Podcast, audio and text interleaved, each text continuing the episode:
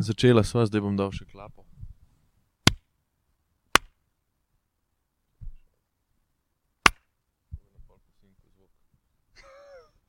A to ti za štart, zdaj video že snimaš. Ne, snema že. Ne vem. Gospod, gospod, vas lahko nekaj prosim? Ja, kar povej. Bi lahko tole prebral? Jan David se pogovarja. In kaj pa zaploskaš in od takrat dalje. Ne, snemaš. zaploskaš, pa pa kam montiraš. Kam, tako imaš, pač, ne, imaš tako nekako. Ja. Lahko si ga kar na brado nasloniš, najlažje tako. Dobro. Uh, Ko montiraš, v bistvu je najlažje zato, ker imaš pol, ki pogledaš v bistvu zmontirano uh, zvok, nekaj ga vidiš po, uno, po črticah, si si predstavljaš. Ja, ja, Ko so se- te- ja, Bige vage. No, takrat vidiš, da je gora, ne, ker je plosk prebije. In tudi tam ga bom videl, ne, ker ima drug zvok. In pol lahko nasinkaš skupaj, sam zlimaš in to je to. O, oh, nice. Okay. Tako, Tako da ti začetek ti vse porihta. Zato je klapa, v bistvu pa mora udariti klapa. ne. A, to je fora, puč. Zvoka. To. To je ono, ko ima tudi v, v, v filmih, je. Ja, ja, sej zato je to, zato da sinkajo oni. Sej ni klapa zato, da pač se napišejo gor, ker tek pa to vse, ne. Ampak je fora tudi klapa zato zaradi zvoka, je dosti pomembna. Ne. Zato tudi doskrat, ne vem, če si bil kdaj na kakšni sceni, da unka ima majk, no, ta veliko roko, Ja. jo da zraven klape, ne. Ne vem, če se opazi. Bod Možda nisem pozoren, opazil, če ampak dobro. tako. Se večkrat se vprašam. Vedno je, da zraven klape, pol počakaš še 5 sekund, da un nazaj da ven iz kadra uno glavo od majka ne, in začnejo snemati. Top, ja, pa sem se že nekaj naučil. Evo, ja. Mano, jako Brajš, uh, dobila so se na Ljubljanskem gradu, v resnici so se dobila v centru, kjer je bilo preveč hrupno in so se odločila, da greva na Ljubljanski grad kot prava Ljubljančana.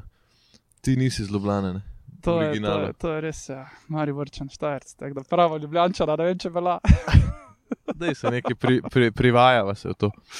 Privaja se. Dej, pa. ti, si mi, ti si mi napisal, uh, to mi je najbolj mi je bilo zanimivo, ker si mi napisal za podcast, da, da, da, da si generalist. Kaj to sploh pomeni? To sem ti že povedal, da bo prvo vprašanje, tako da ja. Ja. zdaj moraš dobro odgovoriti. Ja, Zdaj si pod pritiskom. Ful sem se pripravil, to je prva stvar. Ni pač. Um, eno, res eno dobro knjigo sem prebral. Okay. Od um, Epstein, ne vem točno kako ima, ampak reče se je Range. Ja. Torej, kako lahko generalisti v bistvu preživijo v specializiranem svetu. In pač celotna zgodba tega je, da imaš nek spekter, kjer najdeš načeloma vse ljudi. Na eni strani imaš specialiste, to je ljudje, ki jih zanima ena stvar, pa bodo delali to stvar do konca življenja. To so folk, ki gre recimo študirati medicino, pa se pa specializira res neko osko področje. Ne? In za te je pač trenutni specializiran svet vrhunski. Za generaliste na drugi strani, imaš pa pač na drugi strani spektra, imaš pa folk, ki jih pa zanima vse. Ne. Okay. To je naj, najlažji primer, je tak, generalist boš, bo generalist bo raje prebral 40 one-pagerjev o št- 40 različnih stvareh, medtem ko pa specialist bo pa raje prebral eno stvar, ki je pa dolga 40 strani, pa se res poglobil v njo. Ne. In jaz sem za sebe spoznal pač. Mene zanima vse, vsaka malenkost, recimo za to, glede tega kleperja. Ne. Če je to spet nekaj novega, ko me spet zanimalo, zdaj jih malo pogooglal, pa spet neko novo znanje, da bi bil nekaj minimalno, seveda, ne, ampak Zastopam, jaz se prav. V bistvu generalizem je to, da te zanima vse, po domač povedan. Ja, mislim, Vse pomal. ja, pa ena pomembna stvar je, zraven, da znaš to povezati med sabo. Okay? Ne. Se pravi, da znaš neko uporabno znanje vleči. Ja, tak, mislim, ja, pač, Po domač povedan, ti znaš narediti stvar, ampak veš pa tudi, kako delujejo splavi. Evo, tako. Nisi In če bi samo s- zavrvi, nisi.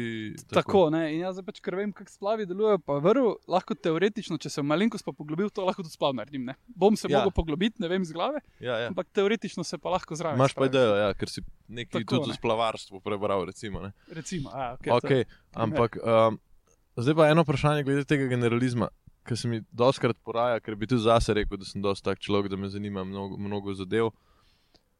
A če si generalist, si res lahko v eni stvari dober? To se mi zdi tako dobro vprašanje, zato to s tem se tudi jaz spopadam, ne definitivno vprašanjem. Lahko si. Večkrat mislim, tudi, tudi jaz sem bil pač hokejist, pa relativno dober, pa vse, ampak hitro se zgodi, da v enem trenutku pa si pač tako vredno, dovolj znam, zdaj bi nekaj drugega probane. In ne vem, meni se je to v življenju že večkrat zgodilo. Pač res sem se poglobil v neko stvar, prideš do nekega nivoja, zdaj pa bi se od tega nivoja dalje, bi pa se mogel res še konkretno poglobiti in v tistem trenutku si tak, kaj pa če bi nekaj novega probal. Ok, ja, se, stri, se totalno strinjam, ja, ampak je mogoče zaradi tega, ker se strašiš, da, da, ker vidiš, da je tok napora za neki, treba, da bo zdaj to res obvladal, ali mogoče zato, ker pač te zanimajo samo res posplošene vse stvari, pa se ti zdi, da ne rabimo komplicirati za vsako, ne vem, malenkost. Zakaj?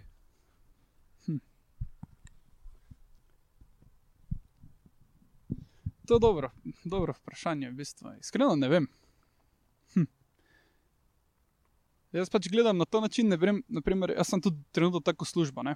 Pač jaz delam kot project manager in pač nekako povezujem par različnih področji, ki pa so torej specializirani ljudi. Ne? Imam recimo design, imam developerje oziroma pač inženirje, imamo neki quality assurance, je neka stranka in pač kot generalist vem za vsako stvar malenkost, sem pa sposoben to povezati. Ne? Pač to, če se recimo vrnem malo nazaj k tej knjigi, to je fora. Največja razlika je med specialisti, rešujejo recimo specifične probleme v nekih specifičnih okoljih, pa z nekimi togimi pravili, recimo matematika. Ne? Ena plus ena je vedno dva.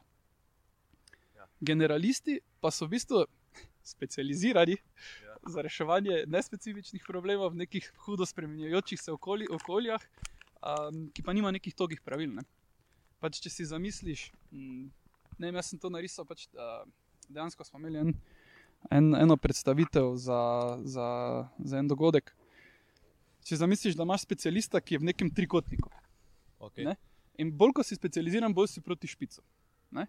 In zdaj, če hočeš ti združiti te specialiste, pa daš neke trikotnike skupaj, se ti na sredini nastane krok ali pa Ja, ja, še en pač trikotnik. Več kot je trikotnikov, več je kr- Tako, je. Tako. podobno. Ja. In fora je v tem, če zdaj ti misliš te specialiste med sabo povezati, Morajo-. Ja. sorry, morajo priti prit iz njihovega specializiranega okolja v to nedefinirano okolje. Ne? In v tem se ponari specialisti ne, zna, ne znajdejo. Ne? Imáš kjer ljudi, ko si mora res napisati vse dol, pa da pač razume, imaš pa nekoga, ko boš mu povedal tri besede, bo tak, ah, ja, ja, razumem, razumem. Ne? Ja, ja. In v tem okolju pa pač generalisti. Ker mogoče, mogoče zna generalist stopiti korak nazaj, ne pa pogledati na širši spekter. Ja, ne, ja, pač. Mm, Ti si vodja, ne v bistvu tega, v bistvu nekako. Tako, Imaš to naprimer- Funkcijo vodenja treh specialistov ali pa ne vem, recimo, povezovanja, konc koncev. Ja, Ja, ja, pač ja. nujno, so pomembno, nujno je pomembno njihovo specializirano znanje, ker brez njih itak ne gre. Pa nujno je pomembno moje široko znanje, ker brez tega tudi konc koncev ne gre. Ne? Lahko gre, ampak ne bo kvalitetno. Lahko to zelo, zelo poenostavlja. Ne? Nekoga imaš, ki zna delati vrv, nekoga znaš, ki zna narediti jadro, nekoga bova za, za širšo publiko. Zelo, zelo, ja, ja, to Da- se da zdaj malo muči, kako saj- to razložil. Ja. Ja, no. Recimo, in pol ti pa na koncu tvoja naloga je pa, da neka jadrnica kvazi splav obstaja. ja, pač to pomeni, da tisti, ko je, recimo, ko je specialist za vrvi, je pač pravilno zavezal in je povezal to. Z nekom, neko, ki ja. je pa z lesom delal, ne, in, se, in si ti pomagal k temu, da sta se ona dva pravilno zmenila, in vse. Ne. Tu je od, da povežeš žargon, ne, da malenko spoznaš več za žargon in znaš na nek splošen način povedati. Zato, da ti razumeš, Ja, pa da on razume, pa ona, pa deset ljudi, če je potrebno. Ne. ja, ja. Tako da so vsi na istem pageu, ne in to na njihovo specializacijo. Ne. To je ponadi pride to, da moraš res posimplifi- posimplificirati stvari, v glavnem poenostaviti. poenostaviti. Ja, okay, ja, ja, ja. poenostaviti, ja. Um, Poenostaviti. ampak, uh, zdaj, kaj so pa, zdaj to je ful tako basic vprašanje, ampak kaj so pa dobre lastnosti vodje? To je zdaj, kada intervju za službo, ampak kaj. Jaz bi rekel lead by example. To je pač vodja, je že beseda. ne. Pač ti moraš iti Več pove o tem. Ja. ja, ti moraš iti prvi. Ne. Mislim, ti moraš pokazati, kaj je v redu, kaj je slabo. Um, karkoli pričakuješ od ljudi, ki jih načeloma vodiš, pač ti moraš pokazati pot. Zdaj, tak pa tak gremo, a je to neki prvi primer ali pa nekaj, v glavnem ti moraš to pokazati, plus nikoli ne pričakuješ nekaj od drugega, kaj ti ne bi sam naredil. Ne. Pač Okay, To so okay. okay. neke dve take stvari, in trenutku, ko ti izpostaviš to, dobiš pač ti skupino ljudi, kateri del si tudi ti moraš pelati do nekega cilja. Moraš jih usmerjati, torej moraš držati neko smer, in ko dobiš to z pokazanjem primera, pa z nek. Um, če poka ja, pokažeš primer, pa ko ti pokažeš, da si pripravljen to, to narediti, dobiš neko zaupanje. Ampak, tle pa spet ampak ne. Zaradi tega, ker jaz to dosti iz gasilstva gledam, pa tako vodenje, pa to se strinjam. Ja, pač skupina ljudi, ti, ampak to mi je bilo zanimivo, ker si rekel, da ja, ti moraš načeloma od- pričakovati od ljudi vse, kar si ti sposoben narediti. Mhm. Ne? Ampak, če nisi specializiran v ne, specializiran nekaj, recimo, nauči se en šolski primer, recimo, vem, se razlije nevarna snov, prijemo gasilci, to je tudi naš del med drugim. Prijemo gasilci, en je recimo full kemika, ne? Mhm. dva sta pa full dobra na dihalcu, pa veste, kako morate zatisniti Tako. neko cisterno. Ne? Ampak, če ti mogoče nisi tako dober kemik, moraš pa iz njega potegniti do te mere toliko znanja, da, da bo on sodeloval, da ne bo rekel, jaz zdaj si pa zgubil avtoriteto, ker jaz več vem. Zato, ker moraš ti dati vedeti, ti mu moraš dati vedeti, ne, da še zmeraj on pa ni sposoben teh dveh z dihalcem poslati tja, pa ima povedati, kamor te narediti. ne. Se vidi, da smo naredili krok do generalizma zdaj. Ne? Vodja mora vedeti vsaj približno o tem razliti nevarni snovi, Ja, ja, pa dihalce, ne vem točno, kaj to pomeni. dobro, te dva, ki greš Ampak dihalnim aparatom. Kakorkoli, Ja, ne, on mora vedeti, aha, fizično delo. torej tukaj je to, pa to, ko vemo o tem, to pa to je. In rabim tega specialista, dajmo njega tja poslati. Tam se dogaja nekaj drugega, dajmo, kjer so specialisti za to. Moraš pa vedeti to, da znaš oceniti situacijo. Ne? Koga rabiš?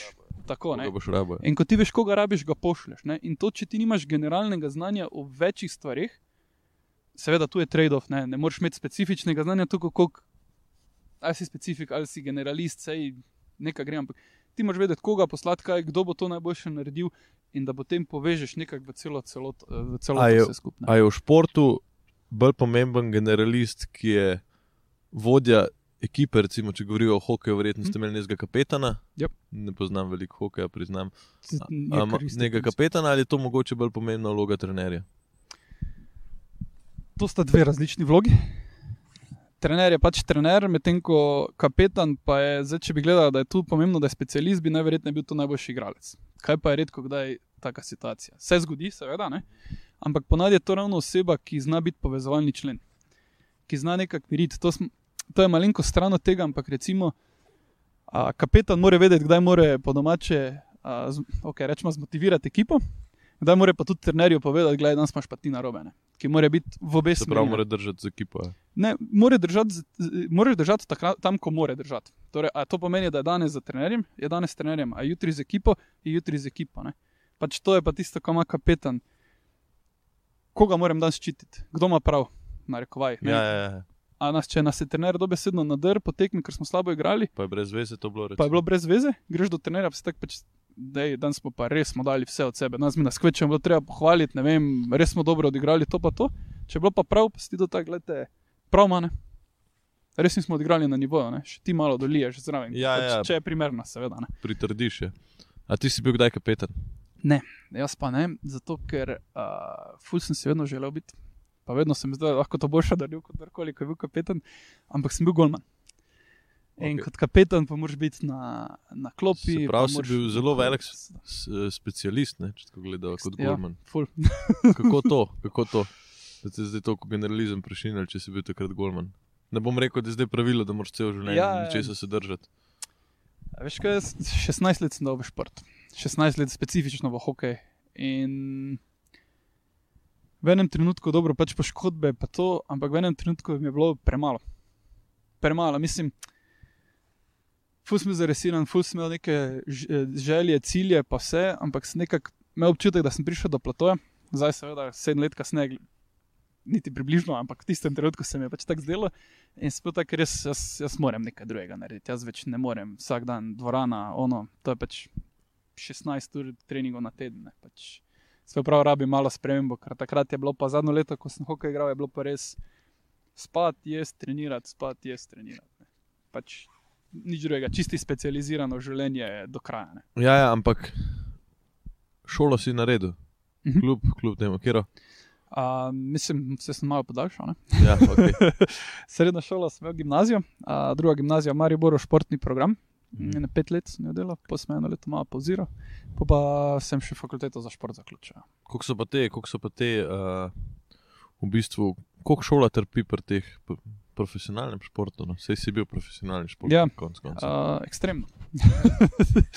ne, jaz sem šel pri 15 letih, sem šel v, v Avstrijo igrati hokej in to pomeni, da 1. septembra smo šoli, sem prišel v šolo sredo oktobra. Ne. In potem sem tudi imel za šolo pogodbo, da hodim enkrat na teden eh, v šolo, če le gre. Uh, izpite, oziroma izpite teste, sem pa pisal, kadarkoli sem pač bil na voljo. Ali je bilo to 26., 27., 25. decembra, ali je bilo to za praznike, ponavadi je bilo ravno za praznike, ker takrat tudi tekm ni bilo. Ne.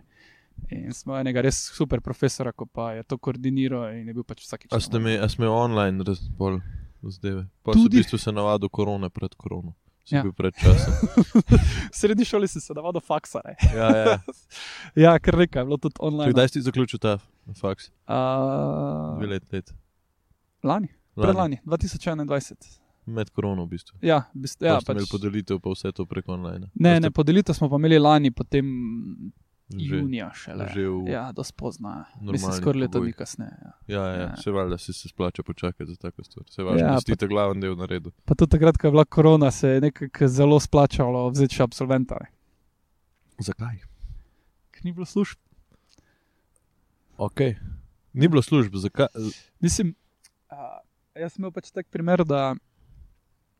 Ti si se pol po faksu prvič redno zaposlil, verjetno. Dost- ja, ja, dost ja, logično. jaz ne? sem se 21 prvič redno zaposlil. Ja. Ja.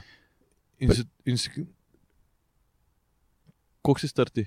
Uh, 27, 28 letos. Okay. Ja, A- do spozna. Dobro, ne, ampak kako si cilil, je pa dobro, vse si šel po tem nekem sistemskem uh, kolesju. Um, kako si ti kot uh, mladi, dobro, to zdaj sprašujem, ker sem nek 50-leten novinar.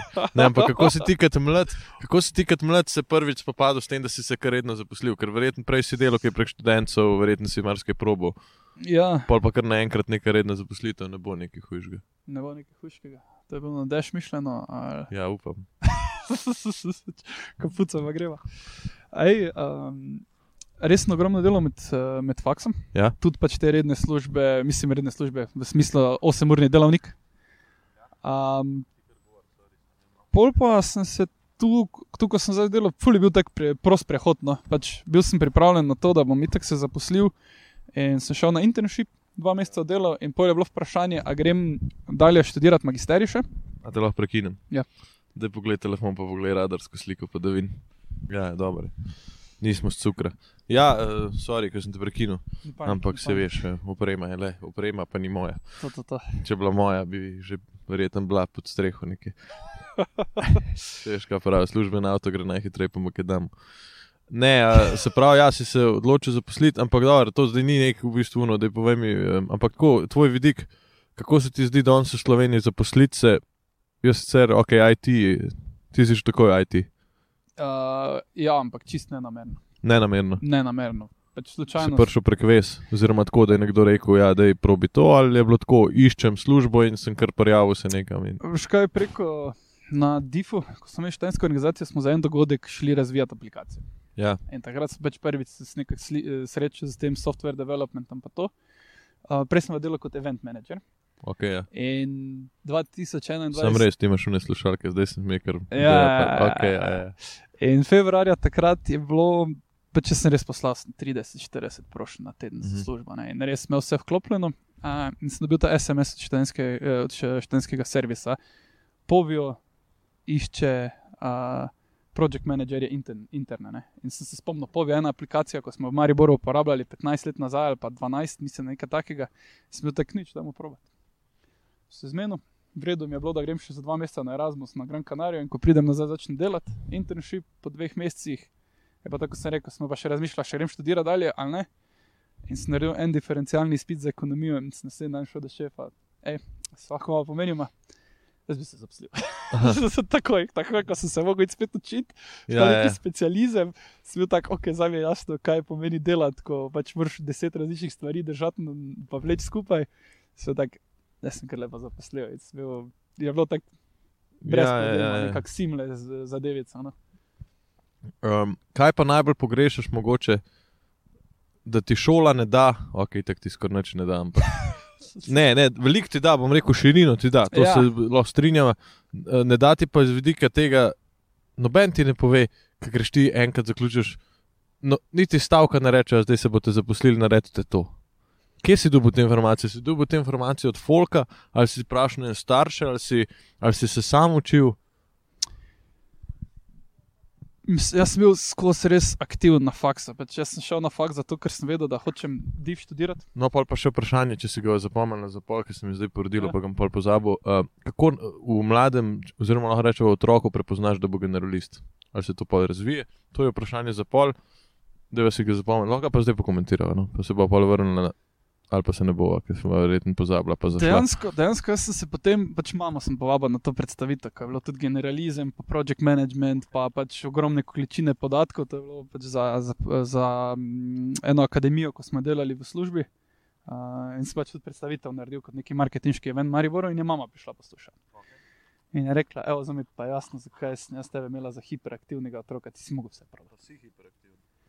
Jaz upam, da zdaj več ne. sem pa definitivno bil, da je rekla, gledaj, ti si. Uh, ne, to ne. To ne, ampak je rekla, gledaj, ti si bil vse posod, vse te je zanimalo, vse si mogel provati. Karkoli smo ti mi rekli, nisi verjel. Ne? In še zdaj ne verjamem, ko mi nekdo reče, to pa to ne gre, če imam jaz v glavi, pizda moglo biti, veš, da bom pogledal ne? in to sam naredim. Sej, nekaterim pač gre to malo na živce, ker deluje kot da na meni ne zaupam, ampak moram se sam prepričati. ne. In, ja. No, to je, da nadaljujeva. Um, se pravi, kako v otroku prepoznaš to? Kako bi otroku prepoznal, da bi rekel, ok, ta je pa, recimo, da bi zdaj ti kot neka firma iskal talente, talente, zdaj karikiram, ampak, a veš, kako bi, kaj se ti zdijo lastnosti otroka, ki bi zdaj kar dobro pada že? Um, puca. ja, dajva proba, dajva počakati še minuto, Ja, seveda. dve, pa če bo začel to bolj padati, se predstavlja. Jaz mislim, da tako v otroku nasploh ne, zato ker otroci so že po naravi radovedni. In načeloma otroke pač zanima stvari ogromno. Za ene več, ene manj, to je, to je čisto odvisno od človeka. Ampak po mojem, pa tu po eni srednji šoli ali pa po faksu, tu pa že lahko malo začneš. Naprimer, V osnovni šoli se ti ne zdi, da bi lahko. Premalo imam stika z osnovno šolci, da bi ti znal to odgovoriti. Pač tak, veš, kaj mislim, Ja, ja, ja, od, ja. od takrat, ko poznam to neko filozofijo, razlago, kakorkoli, se še nisem srečal z osnovno šolci, da bi znal to oceniti. Mogoče bi mogel se malo. malo ja, tak. Ampak recimo zdaj, ko smo imeli ta projektno, projektno akademijo projektnega vodenja, smo pa ravno nekaj takega iskali. Ne? Smo iskali ljudi, ki so generalisti, ki jih zanimajo stvari, ki jih zanima voditi, ali pa so take vodje že sami po sebi. In gledaj, imeli smo, se je bil razpon med 20 in med 33 let, 34 let, in se pri teh 20-letnih pa že zelo lepo vidi, koga, koga zanima neka specifika, ko- kdo pa je bolj zainteresiran za take stvari, ko je treba neke nespecifične probleme reševati, pa jim je to zabavno. Tu pa se že da, za mlajše pa ne bi, upal, ne bi znal reči, ker nimam stika. Ne. Možno je, ampak to se nisem poglobil, moram priznati, ni bilo nekega interesa. Ampak recimo iz vidika, um, recimo, če govoriva tako, kaj pa iz vidika, kaj so te lastnosti, da zdaj vrtam vate, ampak kaj so te lastnosti, ki bi jih lahko rekel, da, da je pri otroku definitivno, da ga zanima. s- Ne vem, a veš, ene punce, recimo, ful dobro rišejo nekaj cajt, pa pol kar nehajo. Pa jih pač prime nekaj čist drugega. Je Mogoče, zdaj razmišljam, da je mogoče pri otroku, ker je to razvojno obdobje, ne, da z razlogom tudi ne vem, kupujemo obleke, ker se razvijajo, a ne pač in Mhm. pol enkrat imaš lahko en plašč za cel life, krikiram. Ja, Ampak, ja, ja. Razumeš? Da mogoče res, ja, pri otroku to sploh ne moreš, lahko ga pa, a misliš, da bi se ga dalo vzgojiti v generaliste otroka? Misliš, da je to prirojeno generalizem? Jaz bi rekel, da ne. Mislim, otroci načeloma itak imajo neko obdobje, ko jih vse zanima, tako sem že prej rekel. Ne. V športu je, ne vem, ful dobro. Ne vem, če sicer to zdaj relevantno, ampak pač so neka zlata motorična leta med 8 in 12, ker je dokazano, da če ti otroka daš v tistem času v čim več različnih športov, da se naučijo čim več različnih gibanj. Ja, uh, bojo načeloma potem, kasneje, karkoli bojo delali, bojo dosti lažje osvojili, ne vem, ples, uh, hokej, nogomet, karkoli pač je. Ne. In takrat so neka zlata leta, ko bi ti teoretično, kar se tiče gibanja, vzgojil otroka v generalista. Ne? Ker če mu takrat daš tisto širino, bo potem imel celo življenje. Zdaj, kar se pa tiče interesov, pa teh stvari, pol glede službe, pa to, tu pa imam isti odgovor kot prej. Ne vem, ne vem, ne znam ti odgovoriti. Je pa to pač, če otroka zanima grosti stvari, pa pač ga pustiš, ga spodbujaš v interese. Ne? Ja, ja, ja, ampak mogoče, ne, pri meni je bilo tudi tako, me je full športov zanimalo, ampak sem še zmeraj probal malo usmeriti. A veš, malo tako, da je malo potrp še tle, malo mogoče tam. Ja. Ja, To se mi zdi, da je problem generalistov, da doskrat tudi pobegnemo od enega problema. Mogoče nekaj se nam ne zdi rešljiv, bom, bom boljš rekel, ker se nam ne zdi dovolj velik izziv za nas. Ja. ja. Jaz hitro pazim, tudi ko, ko, ko je neka zadeva mi pač malo dolg čas postane, sem tako vrel, se ne da, ste pokvarjate. Pač tudi, če, tudi če ni tako težki izziv, pa vem, da bi ga rešil, pa vse sem tak pač. Pač veš, da je nek rešitev, dolg čas, je, nič se ne bom naučil, gremo dalje, da bom nekaj drugega delal. Ne. Mene je tega malo kar strah, ker se mi zdi, da se ne bi nikoli mogel nekako ustaliti pri eni stvari, ko smo mogli skakati levo, desno, ampak bomo videli. No. Tudi pri ženskah. No, ne vem, ne vem. Jaz imam jaz iz tega vidika, da tudi rekel, zasebnih odnosov se mi zdi, ne vem, recimo jaz pa sebe vidim, jaz ne da menjam družbe, imam kolege, ki smo full cajt frendi, ampak se ti veliko zgodi, da kar z enim človekom zavajbaš, ki ti je za nekaj časa zanimiv. Recimo, pa pa govorim s kakšnimi ljudmi, ki so pa tako dost, ne vem, nam rekel, zdaj specializirani, no, skozi te izraze. Ampak dosti bolj tako, konstantne, veš, nekaj, vedno imaš iz kakšne srednje, imaš še ne pet ljudi, ki bojo ostali cel life friend ja. in se družijo pet, pol svojih 50 let. Z njimi niti ne spoznavajo neki novih ljudi. Ne. Eni, se mi zdi, da eni ljudje smo pa ne vem, kakšen si ti, ampak smo pa kar tako dosti odprti, pa kar ne vem, jaz grem v hostel, pa tam spoznam ljudi. Meni je to kul, cool, meni je to zabavno, da mi nekdo nekaj novega pove. Ne. Zato tudi ja. konec koncev podcast delam, ker me zanimajo ljudje. Ne. Mislim, jaz sem tudi tak ima mene deset ljudi, ko bi res lahko rekel, da so kolegi, bližnji ja. kolegi. Pa to je nekdo tak, ko ne vem, ima mene dva kolega iz Maribora, ko pač 10, 15, 12, 13, kakorkoli, pač že konkretni čas.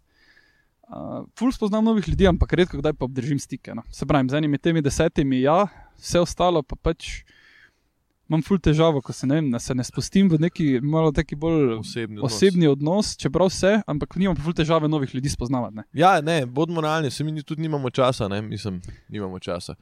Težko je pol, da bo zdaj nekom stike ohranil. Ja, zdaj je veliko lažje, ko imaš Instagram, pa si ril se pošiljaš, pač, pa, pa si v nekem stiku, pa si na pa pet mesecev napišeš. Stik, ja. Pa, ja, ne, pa si, ja, konc koncev je to ohranjanje ja, nekega stika. Ja, ja. A veš, in si recimo pošiljaš neke rilce, pa ne vem, na pet mesecev, pa ne vem, enega pico peka poznam, pa pač pokličem stari, kako to pico narediti. Karikiram. Ja, ja, ja. Ampak, Se mi zdi, da danes, vse eno, ne vem, kaj sem knjigo ali sem članek prebral, je ful dobro napisan. Ljudje imamo pač okrog sebe ena do dva človeka, ki sta čist pri nas, pol imamo deset do petnajst, odvisno koliko si socialen, pa ja. koliko si inteligenten, čustveno.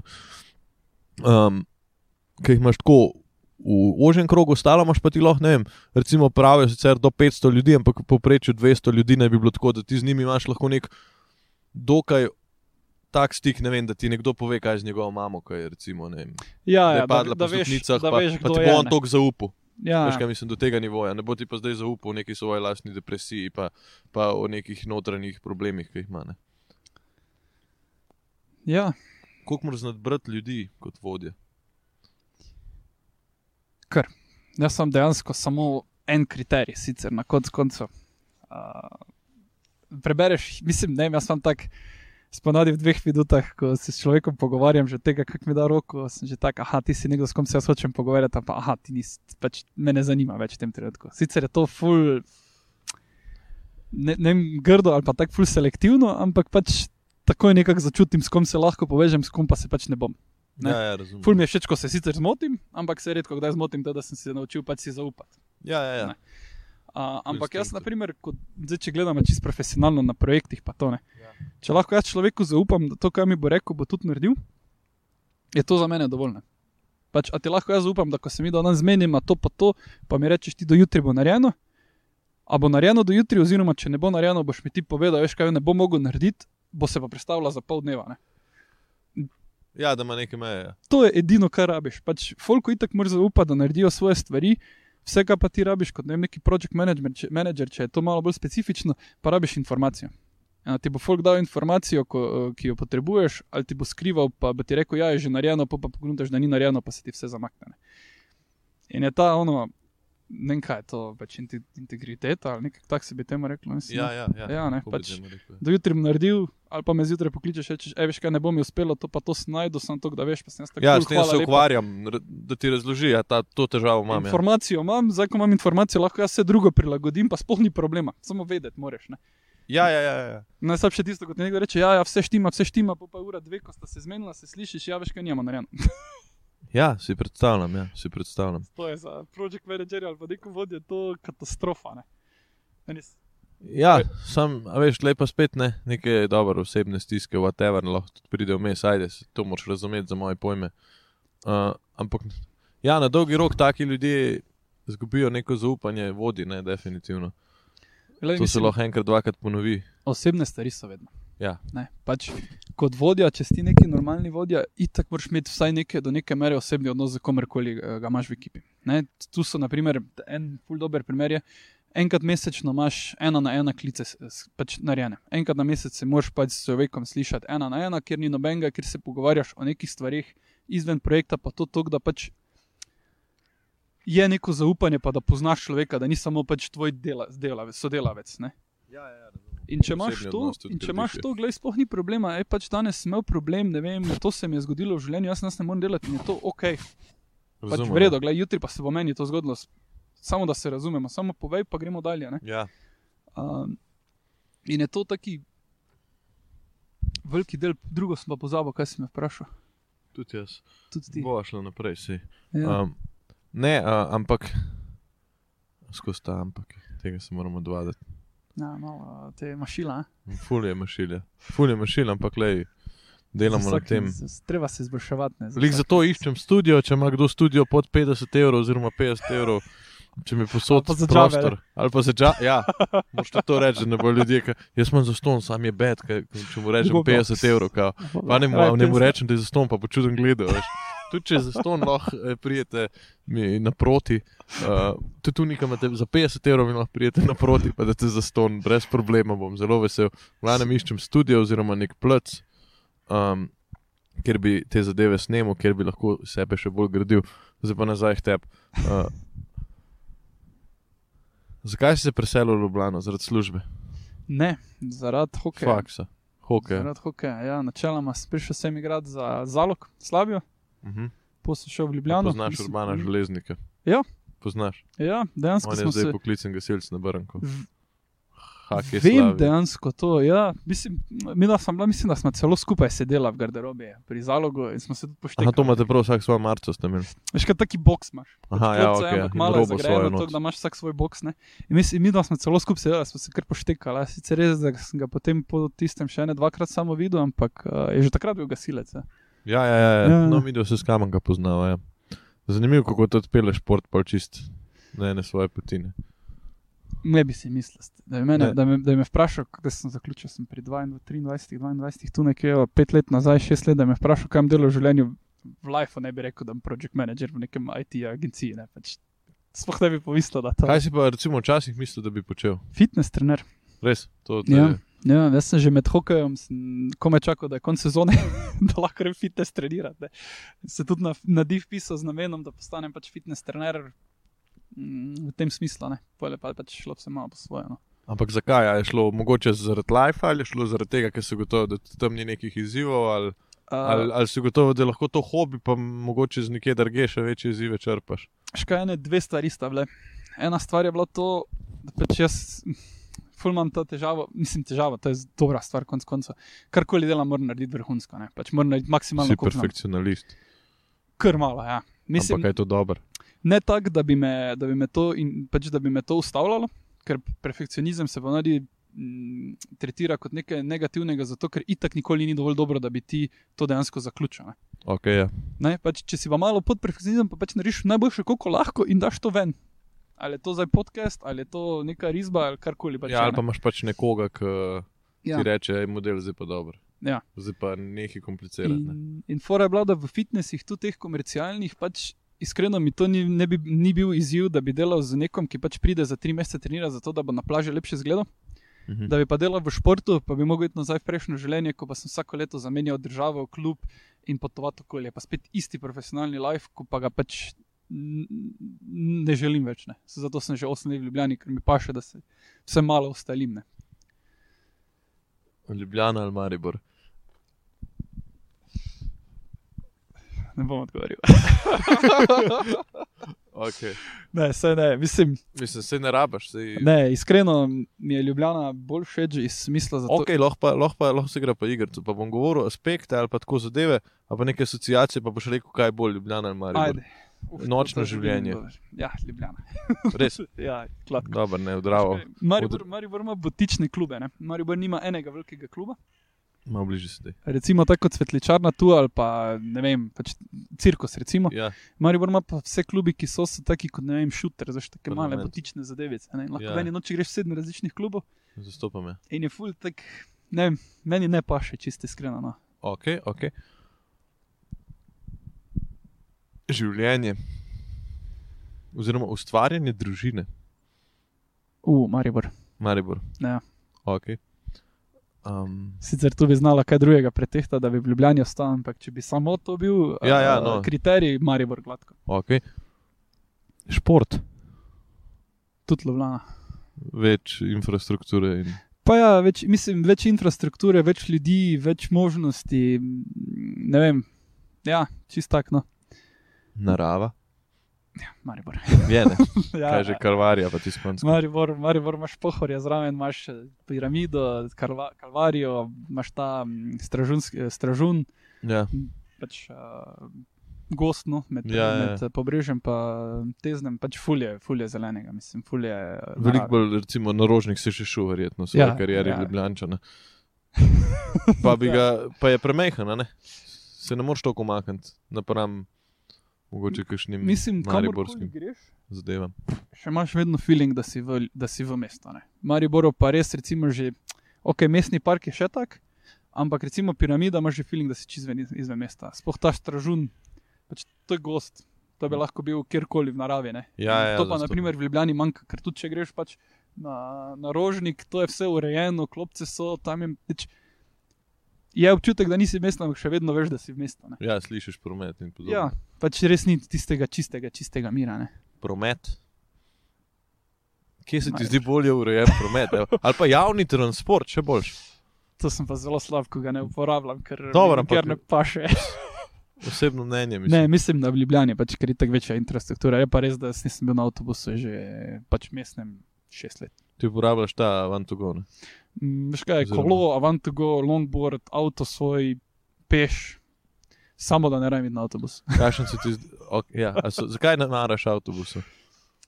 Uh, še kaj celo, osnovno šolo sem se vozil z busom na, v, v šolo, še srednjo šolo sem probal. in- Post-traumatic stress veš- disorder.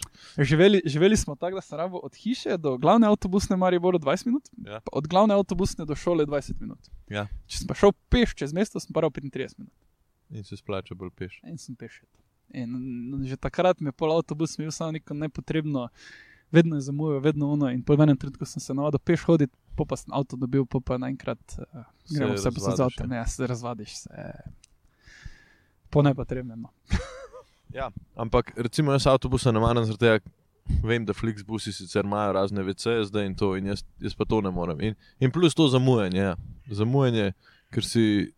Ker recimo na vlak ali pa na tramvaj, recimo, ko grem kam potovati, pa tako, jaz ljubim mesta, ki imajo podzemno železnico. recimo. Ja, Na tri minute gas si že tam. Sup, če, si- ja, tako je kjerkoli si lahko. A te avtobusi se mi pa zdijo, da so pač preveč odvisni od tega prometa, ne, če tako gledaš. Mislim, preveč je enih, eh, ne kako se reče, dejavnikov. Ja. Mhm. dejavnikov, da ne vem, zakaj se tako forsira te avtobuse. Je res, da je to infrastruktura, se pravi, cestna Ne infrastruktura je že zgrajena. Ja, ne rabiš imeti za tramvaj, na primer. Ne. Ja, Ne, vem, jaz sem tak, pač mestni avtobus, ne, za druge avtobuse nismo izbire. Vse posod, kam smo šli, s hokejem tekme igrati, pač pelješ.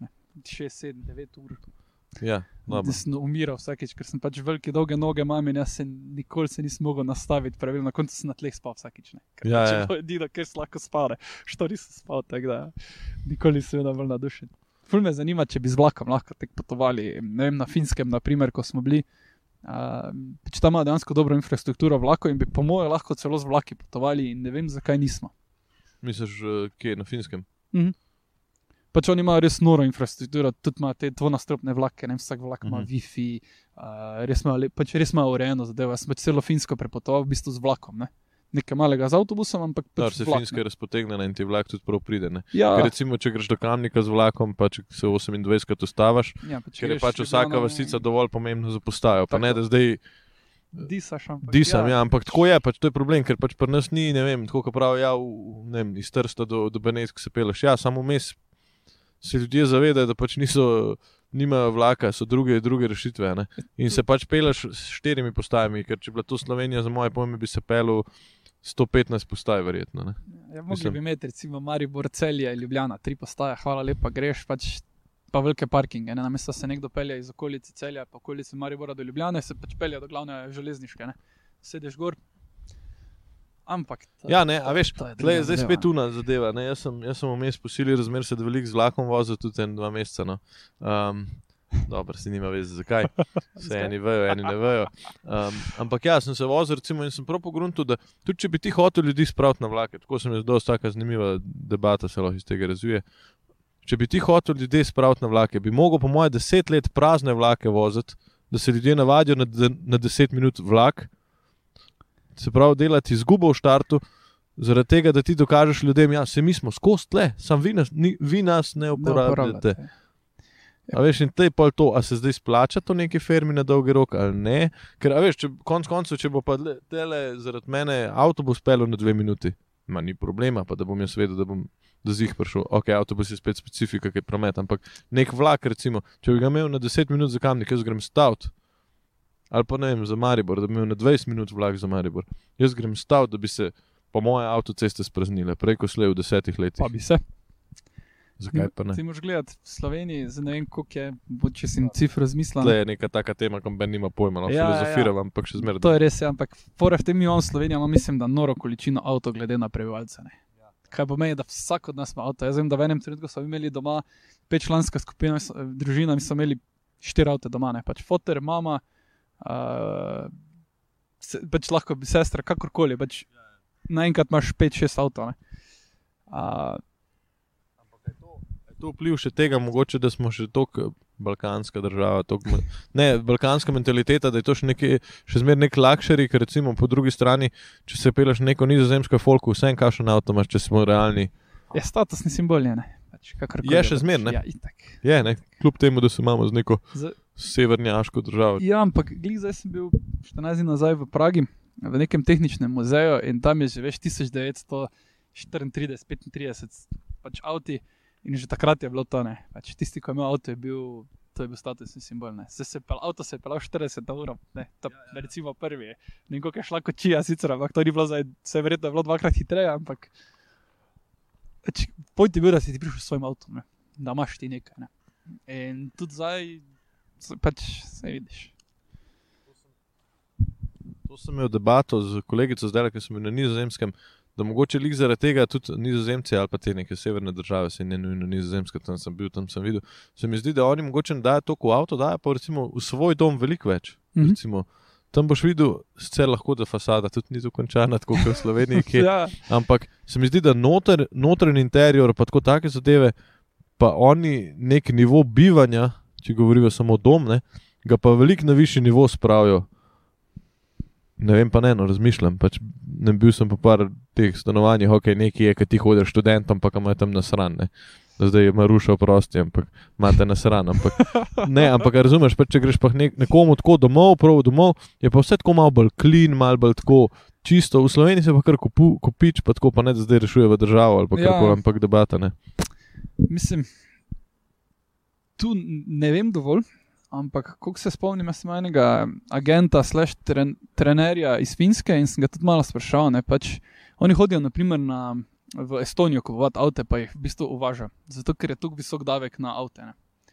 Plus, ne vem, malenkost drugačna ureditev ima celotne države in se ti pač ne splača kupiti avta. Ne. V Sloveniji pa pač prva stvar, kar narediš, ko si 18 star, je neki avto, neki, nekje, nekje, po, ne vem, jaz sem pri avtu za 750 evrov kupil. razumeš, Pač, samo da ga imaš, ne. samo da se pelješ, da greš, v, da, greš da si svoboden. ne. Um, zdaj pa kaj pa je razlog, da imamo toliko avto, pa da jih nekje imamo manj, to pa je hudo vprašanje. Ne. Ne, manj, mogoče tudi, ja, ali pa manj, ja, tudi manj. Ja, ne, definitivno ta, mogoče pogled bolj v prihodnost. Pa se mi zdi, da v Sloveniji je problem to, ker imamo to, ker smo mehna država, ne. Imamo ta nek sindrom mehne države in moramo vsi nekaj imeti. Vem, to sem doskrat tako pomislil, sem bil tako, ja, imamo sindrom mehne države, ker pa, ko greš na neko mačarsko, oni imajo tudi sindrom mehne države. Recimo. A pa oni imajo tudi. Kje, kje pa vidiš, ta, mislim, na kak način vidiš ta sindrom a, majhne države?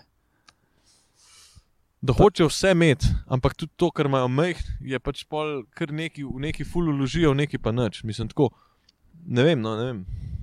Tako nekako zastopaš, ali bolj razložim. Ja, ne, ne, mislim, zastopim. Ja, pač.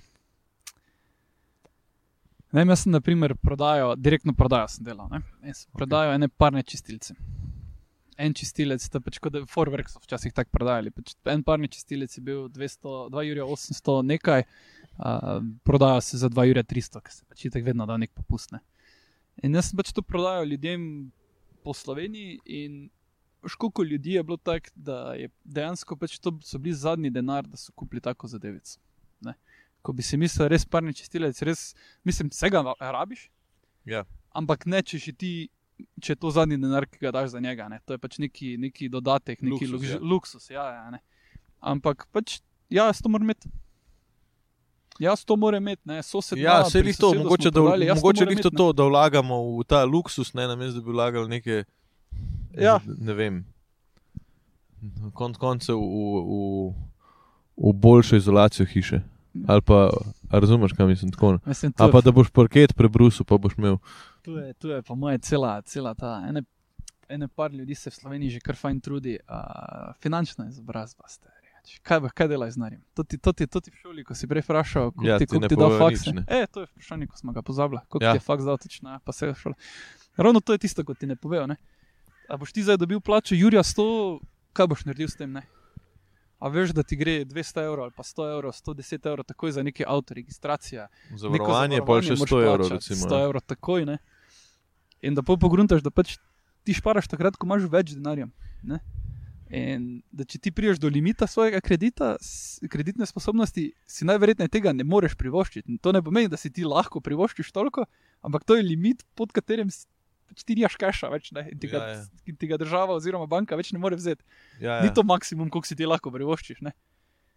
To je maksimum, koliko tebi banka je še pripravljena dati, da vejo, da boš dobil nazaj denar. Ne? Ja, ja, Pri ja. nas se pa tretjina, jaz še imam 300 evrov ali pa 100 evrov, ali pa se vseeno koliko še do kreditnega, jaz sem še sposoben, se lahko še to kupim. Ne? Pa res lahko. Okay, kaj so pa te največje napake, ki se ti zdi, da jih mogoče mladi delajo z denarjem? Ej, Neizobrazba je ena izmed Ja. stvari, definitivno. Ena, ena stvar je to, pač ne rabiš imeti, uh, da si ima v smislu Gucci, Versace, ona tretje, kar nosi, kaj nosiš, je vseeno. ne.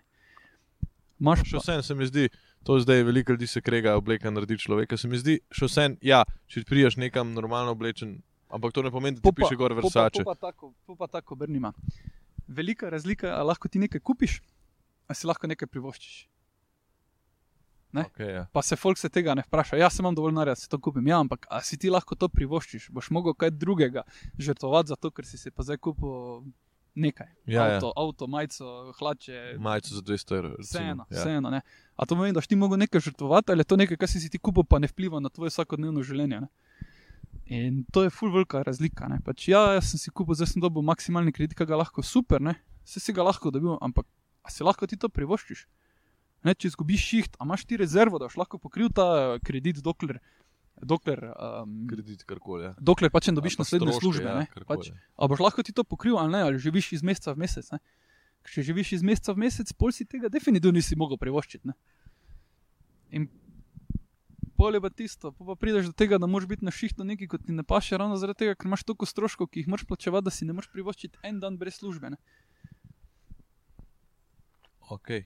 Se pravi, nekako to, da ne, nimamo jasnih, mogoče sploh osnovnih pojmov financ, oziroma sto, ja, financ. Ja. Ja, pač temu se reče finančna izobrazba. ne. Koliko- Mislim, jaz, jaz sem se kar face to poglobil. A imaš tako kakšne tri, tri, eh, tri stvari, ki se jih ti ful držiš, recimo, Ja. a pa bi ful rekel, da Uh, eno je to, pač plan je dolgoročni, da vsaj 40% svoje plače investiram. Zdaj, ali v delnice, ali pa v neke sklade. Zaenkrat pač še ne poznam dovolj, um, še nimam dovolj znanja, da bi se znal sam odločiti, katera delnica je vredna investicije, tako da pač investiram v sklade. Ni idealno, je pa boljše kot nič. Ne? Tako da 40% je cilj, trenutno mislim, da sem na 12 ali 13. Ne? Pač gre. Čas, ja. Drugo je pa to, da ko dobiš ti, je pa en taki čist brezvezna zvezda. Prve tri povišice, ki jih dobiš v življenju, Ja? ne pojačati standarda svojega life. Pizda sem že zajebil. To je to, pač, ko ti Sem že dobiš, zajebil. še vedno lahko zrihtaš naslednje tri, ne, ampak ja. Ko ti dobiš prvo povišenco, ja, počakaš. Ne rabiš ti takoj jutri se preseliti v večji flat, pa si tako boljšega avta. Počakaš, ne? pa ko dobiš drugo, še vedno malo počakaš. Ne? In če ti dobiš 10% povišnico, ok, povečaj svoj standard za 2%. ja, ja, ja Daj zastopno. neke, neke, neke rezerve, ne? če pa greš ti skozi, si pa itak na istem. Če si tebi povečala plača za 10%, pa si ti povečal stroške za 10%, Si na istem. nič nisi naredil. Mislim, nič nisi naredil. Ja, imaš večjo plačo, lahko kolegom reče, za pa toliko pa toliko več, ampak realno nič več denarja, samo pač več ga porabiš. Ja, ja, zanimivo, zanimivo. Čak, zdaj si dve povedal. To si dve, tretje, tretje, pa že mogel razmisliti. Ej, jaz sem se ekstremno mogel sam, I- sam, in samo inicijativno Izobraziti. ja. Ja. izobraziti, Ker jaz- pač ne izobrazijo. A veš, danes, ko bom rekel, no, je, moj pogled na svet je tak, da pač, ja, lahko živiš iz dneva v dan, za moje pojme life nima nobenega posebnega eh, namena, ker smo pač neka bitja, ki pač moramo tle biti in si zapolniti življenje, probat ne biti depresivni. Plus še ena, Prvo ne vidim depresivni. ne, ampak še, ena zanimiva, še en zanimiv področje, ki se ga zadnji cajt dosti sprašujem, je, če se zdaj malo iznarja še sprava, na srečo, oziroma na, na sproščanje hormonov sreče. Recimo, se mi zdi, da danes, recimo, razni TikTok, itd., itd., je problem lih to, ker nam govorijo, da bi mogli biti mi skod biti srečni. Ampak polka pa čistko malo nazaj, pogledaš 200 let nazaj, pogotoviš, da ljudje niso imeli cajta to, kar razmišljati, kot danes lahko razmišljaš. Ker si mogel iti na fucking nivo, ker si mogel iti v tovarno delati 16 ur, ker si mogel delati neki, neki in si pol doma, ker si prišel pa dam, si se pa res mogoče dobro imel z družino. Tako pa si na TikToku, pa ti en ti, eh, influencer pove, da bo jutri objavil nov recept, pa da bo jutri objavil nek nov nasvet, pa si zaradi tega srečen, ker konec koncev vse vpliva na nas, ker zakaj se jim reče influencerji. Ja. Razumeš, kaj mislim? Pač Ja. vse, vsaka stvar, ki jo načeloma jaz mislim tako, vsaka stvar, ki jo, ki jo vidimo, oziroma vsaka informacija, ki jo dobimo, lahko vpliva na nas, definitivno, ampak mi se pa sami, mogoče zavestno, malo nezavestno odločimo, koliko bo vplivalo na nas. Ja. Zdaj, da se ti za prejšnjo odgovorim, Ja, ja. budžeti.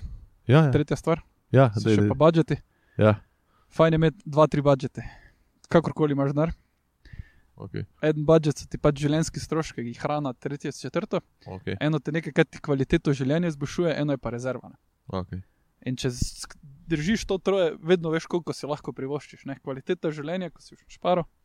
A mi to izboljša kvaliteto življenja, ali imam samo lepšo majico? Recimo, ne se tudi, če tebi lepša majica naredi človeka, pa tebi to izboljša kvaliteto življenja. Kul, cool, kupi, ne, valjda. Vem, ja, ja, ja, pač, ja. To je tvoja osebna odločitev. Ampak če imaš budžet, pa veš, le za manj pa 200 evrov na špano za 200 evrov majice. Top, zato ker mi še tu vedno ostane denar, ki ga porabim za življenje. Ne? Ja, ja, ja, ja. To je to. ja. Kar se tiče pa tega, to je pa, to je pa čisto, čisto svoj spekter vsega. Sej sreča je, pove, mislim. Prvo kot prvo, hvala Bogu, da več ne rabimo delati na njivi, pa da ne priješ več čez mantram domov, pa da nimaš ni časa razmišljati o drugih stvareh. Drugo pa to je že tako bilo narejeno, ne vem koliko raziskav, koliko ta socialna omrežja vplivajo na tebe, ker ti. Le jaz imel eno prijateljico uh, in sem bil zraven, pač Instagram vrhunski, ne, ne pač res, ono, ono živi life. Tako tak, bi si mislil, da, da pač hočeš to imeti. ne. Pa sem pa jaz bil, sem jaz bil zraven tega. Ne? Ampak to je tako, to se, to se špara dva meseca za izlet, da se naredi slike, in pa se dva meseca spet špara za naslednji izlet, da se naredi slika. Ne? Ampak to se naredi toliko slik, da jih lahko ti v miru še vmes objavljaš. Ne? Ja, dobro, se sproti tudi, ampak ni tako fajn kot zgleda. Če bi pogledal Instagram, je vrhunski, veš, to potuje, ono, tretje skozi so nekaj lepa od zadja, pa vse. V resnici pa ne greš na eno kosilo, zato ker uh, zašparaš za, za večerjo. Čeprav na Instagramu pa zgleda vrhunsko. Če me vprašaš, nekaj delaš na robe v življenju, če te motakne. Ampak ostane na drugi strani pa vidiš, kako se imaš ti fajn, pa si misliš, kako ti lepo potuješ, pa kako bi oni radi bili ti, pa vse. In gledaj na koncu, pač proti temu je s tim. To sem zdaj tudi nekaj, ko smo imeli. Um, Intern, mislim, pač, ko smo zdaj imeli to akademijo, pa so za interni, pa to, pa tudi neki blog sem pisal temo o, o tekmovanju. ne. Ti moraš, sam, ti moraš sebe primerjati z sabo, kje si bil zdaj ful-. Ja, to je ja. full bedno, sicer rečeno, ampak daš si neke checkmarke in ti sam sebe spremljaš, koliko se izboljšuješ, koliko uh, a si prišel dlje, a ostajaš od zadaj. ne. Tako recimo ti, ne? ti se ne moreš primerjati zdaj z Joe Roganom, ki je naredil 5000 ali pa 4000, kaj smo se prej pogovarjali, Ja, ja. podcastov, lahko pa se primerjaš z tem podcastom, pa prvim, ki si ga posnel. Ne? A si se izboljšal, se nisi, si se ne. Ja, ja. In če si se, je to eno. Mislim, jaz zmeraj doskrat, če pogledam moj prvi podcast, recimo, pa si rečem, kul je model. To, Kul je, to- v redu je, v redu je, je- ni še je kapitalenga. nekdo, Ne, recimo tudi stand-up, recimo tako, ja, do, do, dož časa sem gledal, no tako pa sem tako, ja, perice gre ful dobro. Ali pa nekdo pride, pa ful hitreje zraste kot ti, ampak si pozabi mogoče, da ima on za sabo šest let gledališča. tako ne. A veš, vsak je. Težko se z drugimi primerjaš, čeprav se to radi primerjamo z Ja, drugimi itak, ljudmi. Ker je pač- to v naravi. Ker konec Normalno, koncev ja, si se primerjal že kot bom rekel poglavar plemena, ker te je lahko nekdo ogrožil konec koncev. In si bil tako, ja, lega, ta pa tudi, Ja. ne vem, ta pa tudi ima dve ženski več kot jaz zdaj. Ali pa ne vem, ali pa ima osem, ja. enega leva več v bov kot jaz, pa je zdaj krala, ne? Razumeš? Pač zaradi tega, ker po moje, ker po moje prihaja še zmer. Mi smo ljudje, ampak pozabljamo pa na neki to neko prvinskost, ker še zmeraj smo živali. Mi smo 2000 let smo živeli na en način, zdaj smo po 200 letih na- našponali v neki čist redga. Ne? Eno vprašanje, tako malenkost mestno sicer povezano. Si bral knjigo PSI? Ne. To je ena slovenska knjiga. Pač definitivno, če je bila napisana 2000 let nazaj, bi imel zdaj celo vero o tem. In ravno o tem piše sicer to, kar si rekel, ta princip, ampak povezan na hrano. Ne? Na hrano. Na hrano. Pač mi smo celotno zgodovino človeštva smo jedli na podlagi uh, sezon, pač kaj je bilo na voljo. In zdaj smo se pa vsi zredili, ker zadnje dve leti imamo pa hladilnik. Pa imaš to povezano z Dve leti, 200 let. D- a, 200, ja, Ali sorry, pa 100. 200, Sploh ja. ne vem, koliko cajt je hladilnik. Ampak... Mislim, da je skoraj 200 že. Dobro, rajde si se v let 150, dajal ali pa ja. kakorkoli. V glavnem, In zdaj imaš pa vse skozi. ne. In telo ni navajeno. In noter je v tej knjigi je bilo eno poglavje, zdaj se ga ne spomnim točno, ampak je bilo prav povezano s tem, kako slišati. ne. Greš nazaj. Ko je bilo več vode na voljo, se, pri- se, je bilo poletje, ne? zato Ja. ker so se recimo v teoriji ledeniki uh, Talili. talili in je bilo več vode. Ja, Ko je začelo zmanjkovati vode, je pomenilo, da se prihaja zima. ja. ker je začelo ledeneti. Kaj pomeni, da če je manj vode telo dobilo, je moglo začeti zaloge delati. Zato vsi posod, kot ti rečejo, karkoli koli hušanje, ja, pi več vode. Ne? Okay. Dejansko je res ne. Poleti ne Jaz sem imel ta intermittent fasting januarja in sem pil samo vodo in je dejansko sem zgubil 5 kg v enem mesecu. Ja. Pa jaz s svojimi 70 Ja. kilami sem zgubil kile, ker sem v lifeu nisem mislil, da bom zgubil. Pač. Ker daš telesu vedeti, da pač na voljo bo ogromno hrane, ne rabim shranjevati. Manj vode, ko piješ, aha. Teoriji. Zima, zima prihaja, zmržena bo neke omejene količine ne vem, sadja, zelenjave, bo, vse neke živali vedno. Za vam moram zalogo začeti delati. Ne? In to, kar si rekel, ne, pač, in to je na vseh področjih v lifeu, pač primerjava, pa vse se včasih si poznal, mogoče sto ljudi v svoji vasi, zdaj se pa, pa si se z njimi primerjal, Ja, zdaj se pa primerjaš z tisoč, dva tisoč milijon followerjev na, na s celim Instagramu Instagramom, če tako gledaš, se primerjaš. Ne? celim Instagram, ja, še ti fajn suggested več, imam pa vsi v Ja, nekih hišah ja. živijo, pa vsi lepe avte vozijo, pa Mercedes, pa vse. Polovica jih je pa rentanih za tisto slikanje, pa je to to. A moraš v bistvu pol ful paziti, da svoj mindset skozi v bistvu ego mogoče, da ga zabijaš nazaj, stari. Ga moraš zabijati nazaj. Ne? Ja. Meni se to zdi zadnje cajt, ker ne težava, ampak le, kdaj se bom tako čist povedal. Kdaj se zbudim, pa sem čisto no, joj, model folk živi v fucking vilah, jaz le v eni sobci pizda. Ki si pa bil dve leti nazaj? Ja, točno to. Točno to ne. In ko si to rečeš, pa je pa kul. Cool, To je to In največ. zato sem si tudi zdaj, recimo, sem si dal naprintati ene slike, prav naprintati stari. Ja. DM-a sem šel in naročil slike, tako dve. Bil sem tako, en disk sem full star najdel in sem bil tako, da uh, bom jaz neke slike zdaj kao. Um, Bom jaz te, ta disk spraznil, mislim, spraznil. Ja, Ja. Pregledal pa kao stare slike, dal 50 slik bom najdel. Ne? Itak sem šel gledati, tako je bilo 215 slik, Ja. ja. pa sem še jih par dodal, je bilo 250, zdaj imam 250 slik, ampak sem si jih še prav sprintati, sem rekel, stari, to velja, uno, kar imaš na kompu, na fonu, stari, a to kdaj gledaš. A to kdaj gledaš? Ne, Ja. ne, jaz sem tudi klih, zdaj sem naredil pač uh, en, en album. Nisi jakno, normalno bom še kaj povedal. Ja, V glavnem in te slike, ne, se mi zdi, da, da tako, konc koncev, če, če gledaš, mi dajemo svojemu lifeu ful preveč pomena, kot v resnici ga je. Zakaj? Konc koncev je življenje biološki proces, ki enkrat mine, to pomeni, da pač živiš, seksaš, ko nariš otroka, to, to svoje stvari, če na tak način pogledaš. Ja. Pa aj res. Lahko bi bilo, pa bi bil srečen takrat. Pa bi skozi vsak dan bi se zbudil, pa bi rekel: Ja, se sem naredil otroka, se sem svoj Ja, kvest ampak, zaključil. ampak pol gremo na nivo na živali nazaj. Ne? Ja. Pač point je, da smo mi prišli dlje, da se ukvarjamo s kulturo, da imaš neki višji sens, tudi če je nerelevanten ostalim, ampak tebi je. Ne, pač, ne vem, zihar imaš neki cilj v svojem življenju, ko ga hočeš doseči, Ja, ja, ja. Mislim, pa je bolj pomembno od tega, da ti pač samo živiš. Ne? Ker če bi samo živel, pa mi ne bi tu za podcasta snimala, ker se tudi tebi bilo čisto nerelevantno, da snimaš ker podcast. bi Bi... iskal žensko, da otrok naredim. Tako, Mislim, ker je bilo čisto nerelevantno, če snimamo to. a Ne? ja, ja. In to je pač nekaj vrhunskega, ker zaradi tega imaš ti grad tukaj, smo zaradi njega, zaradi tega imaš ti neke nore stavbe, zato ker je nekomu se zdelo, da je to pa njihovo poslanstvo.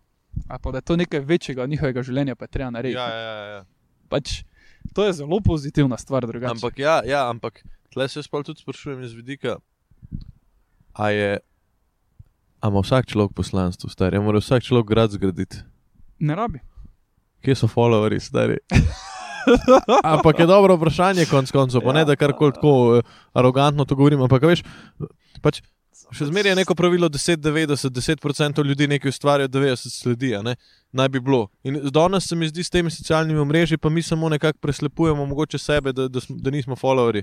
Ne vem, to sem jaz že zelo razmišljal in sem bil tako, ja, model, vse mogoče si pa ti, a se sem verjetno, ena mala ribica, se sem mala ribica, ampak razumeš, nek pomen dajem, mislim tako, ne vem. So, pač, to moš tako gledati. Pa ne, da je to zdaj neka Ja, depresivna ja, debata. ne, ampak- ne, ni, ampak pač na koncu, kako to glupo zveni, ampak karkoli se odločiš, je na koncu prav za tebe. Ne? Pač, a se odločiš, da pač se ne sekiraš za to, je ok, a se odločiš, da se sekiraš za to, je tudi ok. Ne? Pač kot tebe osebno. To ima zdaj ful filozofske zadevice šla, ampak če ti nimaš uh, nekega poslanstva ali pa nimaš nekega hudega cilja, ok, ni problema, pač vredno. Ne? Nekdo drug pa ga pač ima. Point je samo v tem, da tisti, ki ga ima, ne, ne naredi, da tistega, ki ga nima, da se počuti kot rek, pa obratno, da tisti, ki ga nima, da, da hoče pri, pripraviti drugega do tega, da itak ga ne rabiš, zakaj bi ga mogel imeti. ne. Ja, ja, ja. ja. Če karkoli se ti Živim, odločiš. pusti živeti, je tudi lepa modrost. Ne? Ja. Je benti sva Ja. zafilozofirala. Ne, ne ja, ja, ja. Ampak Živi, pusti živeti. Ja, tako je. Ja. ne, se drugač ni, ni neumen rek, ne, definitivno. Ampak overused. A? Je pa preveč uporabljen, že verjetno. To, ki je prežvečen, ampak veš, kaj sem zadnji cajt delam. Z, z, tako, prej grem spat, si preberem en ta um, quote, probi to, kdaj huda fora je. En quote si preberem, ne vem, recimo živim, pusti živeti in pol samo o tem razmišljam, tako preden zaspim. In pol zaspim, pač ni tako enkrat. Ampak ne vem, recimo denar sveta vladar, recimo, to sem ene dva tedna nazaj o tem razmišljal. In sem kar tako prišel neke filozofije, težke, razumeš. A pa ne vem, neki uno, ne vem, kaj so, kdor visoko leta nizko pade, recimo. Preber se eno tako stvar, pa res uno. Pust možganom, da grejo nekam, kamor grejo. Pač in, je, in je full tako, in, in si tako, wow, model. Jaz, jaz sem pristaš teh kvotov. Imam prav že zadnjih 5-6 let, imam pač eno tablo v sobi in imam Ja. besedno na veliko napisano en kvot. Vsak toliko časa ga menjam, ko je nereleva, postane nerelevanten. Ja. Ampak vsakič je tako, da ko se vležem, je zadnja stvar, ko vidim, pa zjutraj teoretično, če hočem, je prva stvar, ki jo vidim. Kjer ga imaš zdaj? Um, Take massive, level, uh, massive levels of action. To je ena knjiga od uh, Cardona, kjer pač pravi, da v vsakem primeru ti vzame trud, Ja. ali delaš stvar, ali je ne delaš stvar, ali jo delaš na polno. Isto truda ti na koncu koncev vzame. In je full taka všeč, prejšnjo sem pa imel, uh, this too shall pass. Uh, uh, It's only matter of time ali nekaj tajega. Ne? Mhm. Pač je bilo tako obdobje, ko so neke stvari bile in si pač samo neki reminder, pač samo počakaj, sej Ja, ja, čas, čas. čas, greš čez to. Ne? Ja, ja, ja. In imel sem še nekaj časa, prav tako, da sem imel prav od zadja na, na, na, na ekranu, pač na računalniku, pač dve polovici možganov, ena pač uh, samo možgani narisani, pač samo outline, ena Ja. pa barvasta cela. Ne? Aha. In prav na tisti strani, ko ni bila barvasta, pa pač lepo kvote, ki so bili pač iz knjig, pa iz tega vsega, to, to si ful rad pišem. Najs, najs, najs. Imaš kakšno beležko, da si tako pišeš? Uh, ful imam knjig, Aha, pač okej. kupujem knjige in potem noter rišem, pa lepim, pa vse. res? In ja, prav, Hudo. Prav, prav, če nisem pripravljen kupiti knjige, sploh ne preberem. Malo glupo, ker pač imam full knjig. Je potrošniško, ne? Ker je potrošniško. potrošniškega vidika. Ja. Ampak se mi je zdaj že večkrat zgodilo, ko sem neke stvari delal, prav ta generalizem, ker so knjige pač res razmetane, ja. po, kar se tiče tematik. Uh, se mi je zdaj večkrat že zgodilo, da sem bil, da sem nekaj delal, sem tako, fuck, to sem nekaj prebral. In pol pogledaš. Aha, to je to. In, začneš, in greš dalje. Ne? Sploh ne vem, ko sem pisal te par, par blogov, pa ko še imam planih pisati.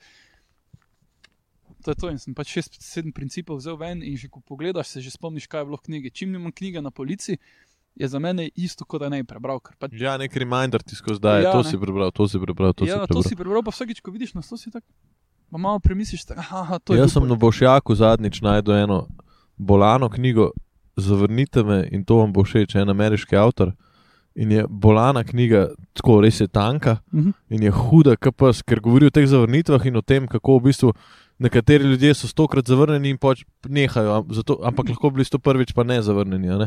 Recimo, ok, jaz pravim, nekaj se zaletava z glavo v zid, a ne? ampak recimo ta knjiga, jaz imam tako z naslovnico naprej obrnjeno na policiji in se tako vsak dan sem tako, ja, model, lej, v redu je, kaj si sekeraš, mislim.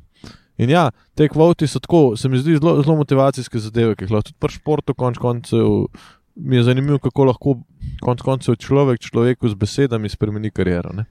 Res je, samo je pofora tudi tem, da pač tebi mora ta kvot nekaj pomeniti. Ne? Pač to Ja, mora se te dotakniti. Točno to, ne? pač ti moraš neko zgodbo sam pri sebi napeljati na ta kvot, ker če ne so pač besede. Recimo jaz zase, recimo ta živim pusti živeti, zadnje cajt se ga kar probam drž držati, recimo ne vtikam se stvari, ki nimam pojma, oziroma tako si rečem, pač, pa kaj sila mene ljudi neki, da neki bi delali Ne, neki. če noče, pač noče. Ne? Ja, ne, točno to. Ja, pač živim, pusti živeti, tudi če je nekdo drugačen, tudi če nekomu sedi, to bo, lej, lahko mu rečeš, lej, ne vem, primer.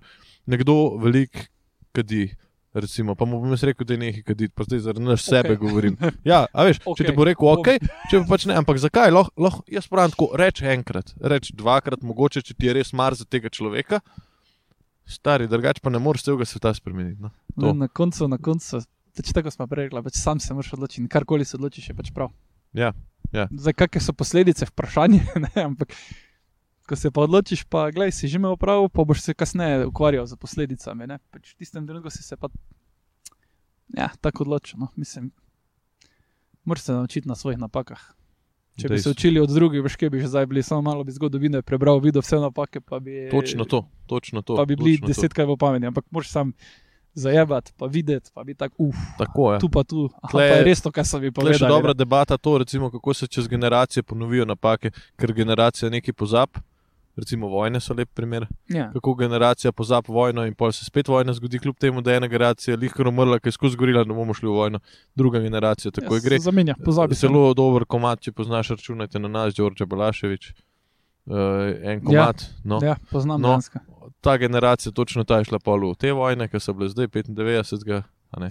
To so pel, stari 30 let, a pa ne, te otroci kvazi, ne, so takrat pel in se je to zgodilo. Ampak dobro, pustimo to, to so zdaj spet teme za full cajt, zdaj se Mhm. mm. počasi temni. Mislim, da bo počasi prišla k nekmu koncu, k nekmu uh, jedru in te bom vprašal za zaključek. Kaj pa tvoj življenjski moto? A ga imaš? Ali bi rekel, da ga spremenjaš glede na situacijo? Nimam mota, imam pa pač eno vizijo, ki bi jo rad dosegel.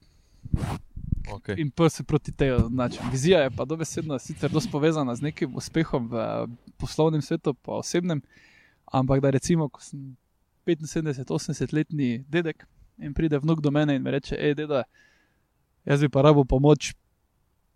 Se mogoče odprl svoje podjetje, pa bi rad imel neki biznis, da sem lahko, ok, koliko rabiš, pa da, da ti pomagam. Da imam dovolj znanja, Ja, da ja, lahko pomagam Okay, a je to sin, ali je to uh, Ja, ja. hčerka, ali je to pač vnuk, vnukica, vse je važno, ampak da imam dovolj znanja, da lahko pomagam, pa da, Da imam tudi dovolj financ, da lahko pač ne, dodam tisti korak zraven, ko pa ga mogoče na začetku rabi, da pač Ja, ja. ne vse, seveda, ker Ja, ja. vsega ne smeš dati, ker se moraš vse naučiti, ampak da lahko tisti prvi začetni pušne. Se pravi, rad bi postal moder. Ja, ok. Ja, je, ne, če, če Ja, tako potegneš, da je vas s tem zaključiti. Ah, Eh, rad, rad bi postal moder. Ja. Ja, moder človek.